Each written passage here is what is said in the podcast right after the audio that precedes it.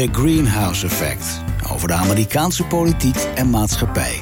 Ik ben Victor Chevalier. Samen met Charles Groenhuizen is dit dus The Greenhouse Effect. Dit is aflevering 57 van The Greenhouse Effect. De regering Biden lijkt een tweeledige strategie te hebben aangenomen om de ondermijnende impact van sociale, culturele en raciale kwesties te verminderen. En dat doen ze ten eerste door het electoraat te overspoelen met een overvloed aan geld via de COVID-hulpactie. 1,9 biljoen, we hadden het de vorige keer al over. En ten tweede door te weigeren in het openbaar lastige kwesties aan te gaan, waarbij wordt berekend dat als ze geen zuurstof krijgen, hun kracht zal vervagen. Meer dan 7 op de 10 kiezers, 72 procent, steunen de nieuwe wet. Zo blijkt uit een peiling. Veel meer dan de 21 procent die er dus tegen is. En er is weer een ruzie ontstaan tussen diplomaten van de Verenigde Staten en China. Maar we beginnen met de aanslag van de massagesalon met acht doden en weer discriminatie als onderwerp van Amerikanen met een Aziatische achtergrond deze keer. Charles, we raken er niet over uitgepraat. Discriminatie in de Verenigde Staten. Ja, waarbij ik een klein voorbehoud moet maken dat we er eigenlijk nog niet zo gek veel van weten. Behalve de e- over 21-jarige dader en dat er acht doden gevallen zijn. Ja. Uh, in, in het Aziatische massagesalons. Dat moet je aan erotische massagesalons denken. Uh, en wat we over die jongen weten, 21, dat hij die ochtend dat het gebeurde door zijn ouders, hij woonde nog thuis, het huis uitgeschopt was. Mm -hmm. uh, het verhaal gaat, maar ook dat is niet echt nog officieel bevestigd. Uh, omdat ze hem zat waren, omdat hij uren porno zat te kijken. En het verhaal over die schietpartij zou zijn, althans is een van de lezingen, dat hij de verleiding uh, in die massagesalons wilde elimineren, omdat hij daar steeds voor bezweek voor die verleiding. Nou, dat, dat verhaal. Dus dat, dat is eigenlijk puur een verhaal van, van een jongen die ja, toch tamelijk in de war uh, en dit gedaan heeft. dat, is, dat is eigenlijk versie 1. En ja. benadering 1, benadering 2, en die is ook in deze podcast aanzienlijk interessanter. Uh, is dat met name in Amerikaans-Aziatische kring veelvuldig nu wordt gesproken over discriminatie van Aziaten in de Verenigde Staten. Uh, haat tegen Aziaten. En uh, toevallig, en dat is wel volgens mij echt toevallig, is er deze week een rapport verschenen over haat, haatincidenten nou, die kennen we natuurlijk veelvuldig haatincidenten bijvoorbeeld tegen African Americans, tegen zwarte Amerikanen, tegen mm. Joodse Amerikanen enzovoort enzovoort. In de tijd van de terroristische aanslagen ook heel veel haatmisdrijven toen tegen Arabieren of moslim-Amerikanen, hoe je het verder maar wil noemen. En nu is dit er dus. En het is eigenlijk een beetje, Victor, als het gaat om, om racisme en discriminatie, een wat onbesproken groep. Wel snel groeiend. Aziaten zijn de grootste uh, op dit moment de grootste groep immigranten in de Verenigde Staten. zijn niet Latino's, maar dat zijn Aziaten. Uh, en je hoort er eigenlijk zo weinig van, omdat ze het zo goed doen. Ja. Uh, vergeleken met, als je gewoon naar de statistieken kijkt, als het gaat om misdaad, werkloosheid enzovoort. Ja, die is aanzienlijk hoger onder bijvoorbeeld Latino's en onder African Americans. Hoewel, die mag je eigenlijk geen immigranten noemen, zeggen ze altijd, want ze zijn niet echt vrijwillig naar Amerika gekomen ooit. Hè? Maar goed, dat even, ja. dat even terzijde latend. En Aziaten doen het eigenlijk hartstikke goed. Hè? Dat is trouwens uh, Muslim Americans, Amerikanen van een, met een moslimachtergrond, doen het ook mm -hmm. hartstikke goed. Veel ondernemerschap, goede banen, hoge opleiding, gedragen zich over het algemeen netjes. Dus dat die Aziaten nu ineens in het nieuws komen als slachtoffer van discriminatie is wel heel erg opvallend. En ik was eerlijk gezegd, ik denk dat ik dan redelijk op de hoogte ben ook van discriminatie in Amerika. Maar dat snel groeiende aantal incidenten tegen uh, Aziaten vind ik wel heel opvallend. Uh, en een paar verklaringen voor deze stijging. En die is echt toch wel zo opvallend dat je wel van een trend kunt spreken. Dat, dat is geen statistisch toeval meer. Zou toch ook wel heel erg te maken kunnen hebben, zeggen sommigen, maar je kunt het nooit bewijzen natuurlijk. met de retoriek die we hebben gezien van ex-president Donald Trump.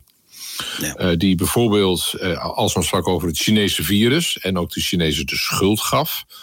Uh, en in zijn algemeenheid. van de hele crisis. Ja, en, en dat, nou goed, dat even terzijde laten. Maar dat dat net zo goed als destijds Arabieren en, en Muslim-Americans het te verduren hadden... naar bijvoorbeeld de aanslagen van 9-11 enzovoort. Uh, omdat het natuurlijk door moslims gepleegd werd destijds. Uh, dat, dat er nu meer hate crimes zijn tegen Aziaten. Nou, of deze kwestie in Georgia met die acht doden bij die massagesalons gerekend moet worden tot uh, uh, iemand die totaal uit zijn plaat is gegaan en acht mensen heeft doodgeschoten. En dat hadden net zo goed andere mensen kunnen zijn, maar hij ging toevallig als klant al naar die massagesalons waar die, die Aziatisch zijn. En er zijn er heel veel van. Dat is wel heel erg een trend in Amerika. En die, die bedrijfstak, zou ik maar zeggen, daar zie je er veel van overal in Amerika. Ehm, dat moeten we nog even afwachten. Maar het, is, het, is, het leidt tot onrust.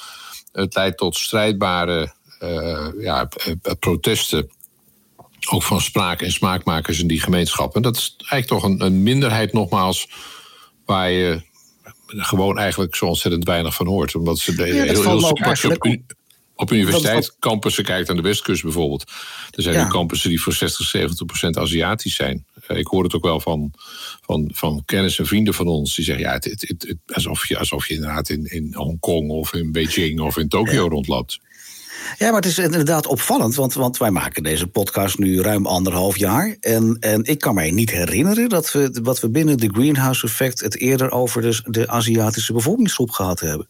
Nee. Het, kan, het, kan het niet gewoon zijn dat het, dat het om een beetje rare jongen ging die verslaafd is aan porno en uh, een beetje doorgedraaid heeft, dat het niets te maken heeft met discriminatie? Nou ja, daarom noem ik gelijk die twee lezingen. Die ene lezing die ja, puur uitgaat van, van die jongen en wat hem wel of niet eh, beweegt om uh, deze dit vreselijke misdrijf te plegen. Uh, maar nogmaals, het valt dus wel in een soort pulletje, ook door, door de publiciteit over het rapport over die hate crimes. Ja. Uh, dus dit krijgt nog wel een staartje. En dat, dat zal nu in ieder geval wel voor de komende periode een onderwerp zijn wil niet zeggen wat op de politieke, ieder geval op de maatschappelijke en publicitaire agenda staat. Er wordt nu ineens veel over geschreven. Ik moet het allemaal nog zien, eerlijk gezegd. Als ik over die jongen lees, en daar weten we nog weinig van. De politie heeft er ook weinig over bekendgemaakt, ook over de verhoren. Maar als je mm. ook een aantal van die dingen over die jongen hoort, uh, over zijn gedrag en inderdaad die, die pornoverslaving, dan zou het ook heel goed kunnen dat het toch wel heel erg simpelweg in die hoek zit. En dat hij toevallig van Aziatische massagesalons hield. En toen gedaan heeft wat hij heeft gedaan. Um, als je even kijkt naar de algemene uh, pornoverslaving, denk jij dat het binnen de Verenigde Staten meer of minder voorkomt dan bij ons in Nederland? Dat zou ik niet weten. Ik weet wel dat het onder Republikeinen meer voorkomt dan onder Democraten. Oké, okay. dat is wel een verschil. Ja. Is het, nee, het, is, het, is, het, is, wel, het is wel vrij veel onderzocht. Of, het, okay. of, of je er echt vergelijkingen tussen zou kunnen maken, zou ik eerlijk gezegd niet weten. Het is wel een kolossale eh, bedrijfstak. Uh, en we weten ook bijvoorbeeld wel dat, uh, maar dat kun je bijvoorbeeld zien aan uh, onderzoek naar uitgaven via creditcards enzovoort. Mm. Dat in overwegend republikeinse staten het meer voorkomt. En Utah stond daar bijvoorbeeld heel erg hoog. Nou, daar wonen die mormonen, dat weten we, die zijn heel erg streng. Hoewel van deel ook weer niet streng. Want ze hebben in ieder geval heel lang hebben ze ook meer vrouwen mogen hebben enzovoort.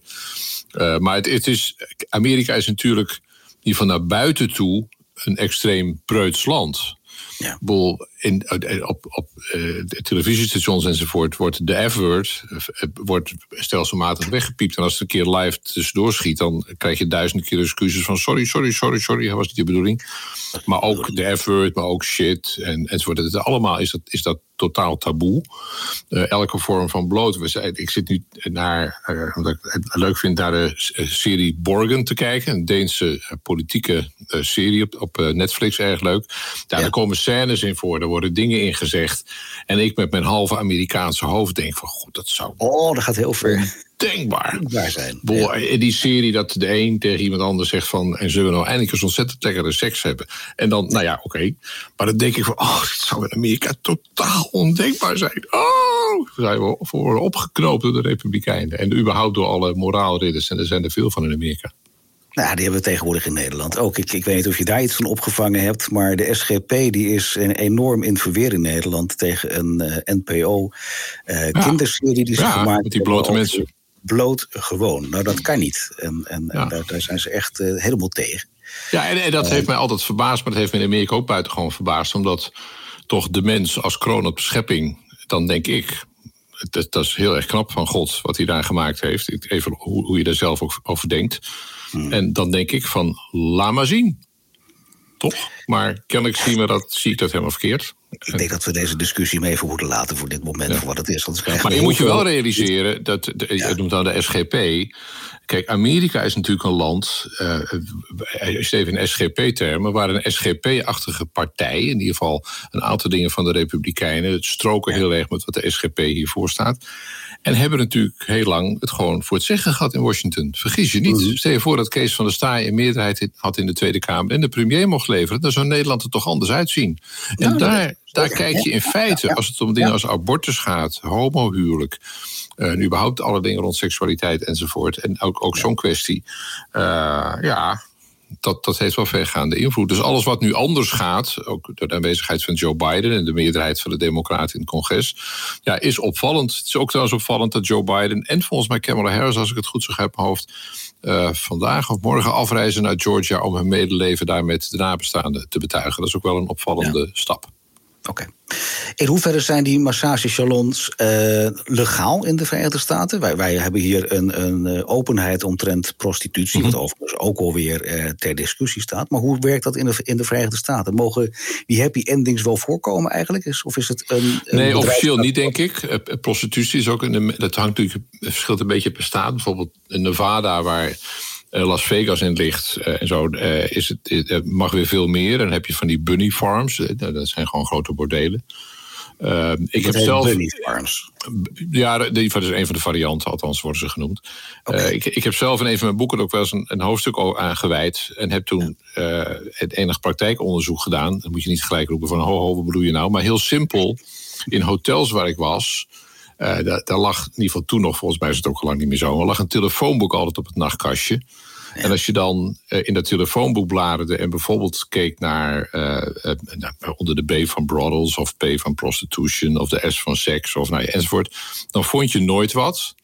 En toen dacht ik, dat is toch raar. Want het ook een soort yellow pages, hè, een soort gele gids. Weet je nog, de gele gids? Ja, net als Dat, zijn van die dingen die geruisloos uit het leven verdwijnen, maar ze waren er natuurlijk wel. Maar als je dan vervolgens keek, en dat moet je op een goed moment even weten, onder de E van escort services, dan ging het pagina na pagina na pagina ging er door. Maar je zal nooit in zo'n advertentie, zul je bijvoorbeeld het woord seks uh, uh, aantreffen.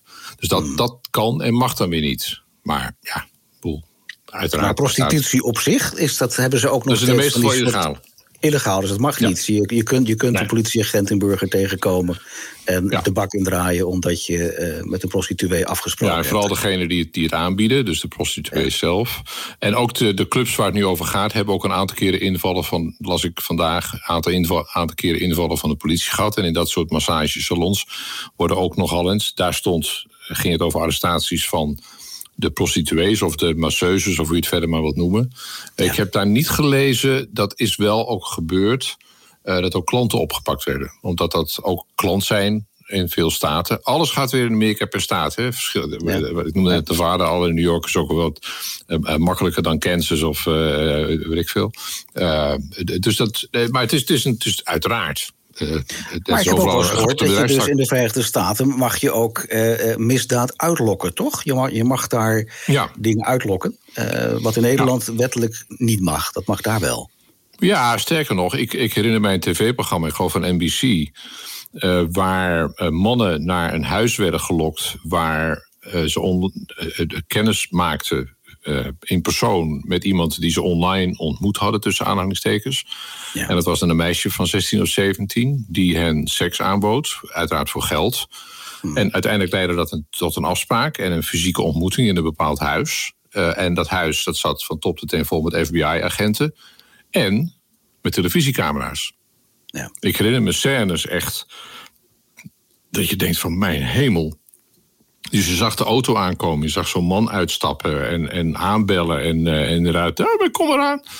Uh, en op het moment dat, dat de eerste ja, echte avance wordt gemaakt in de richting van, uh, van waar die man dan voor kwam, zeiden ze, ja, sorry pal, je bent erin getuind, want je bent onder, we arresteren je.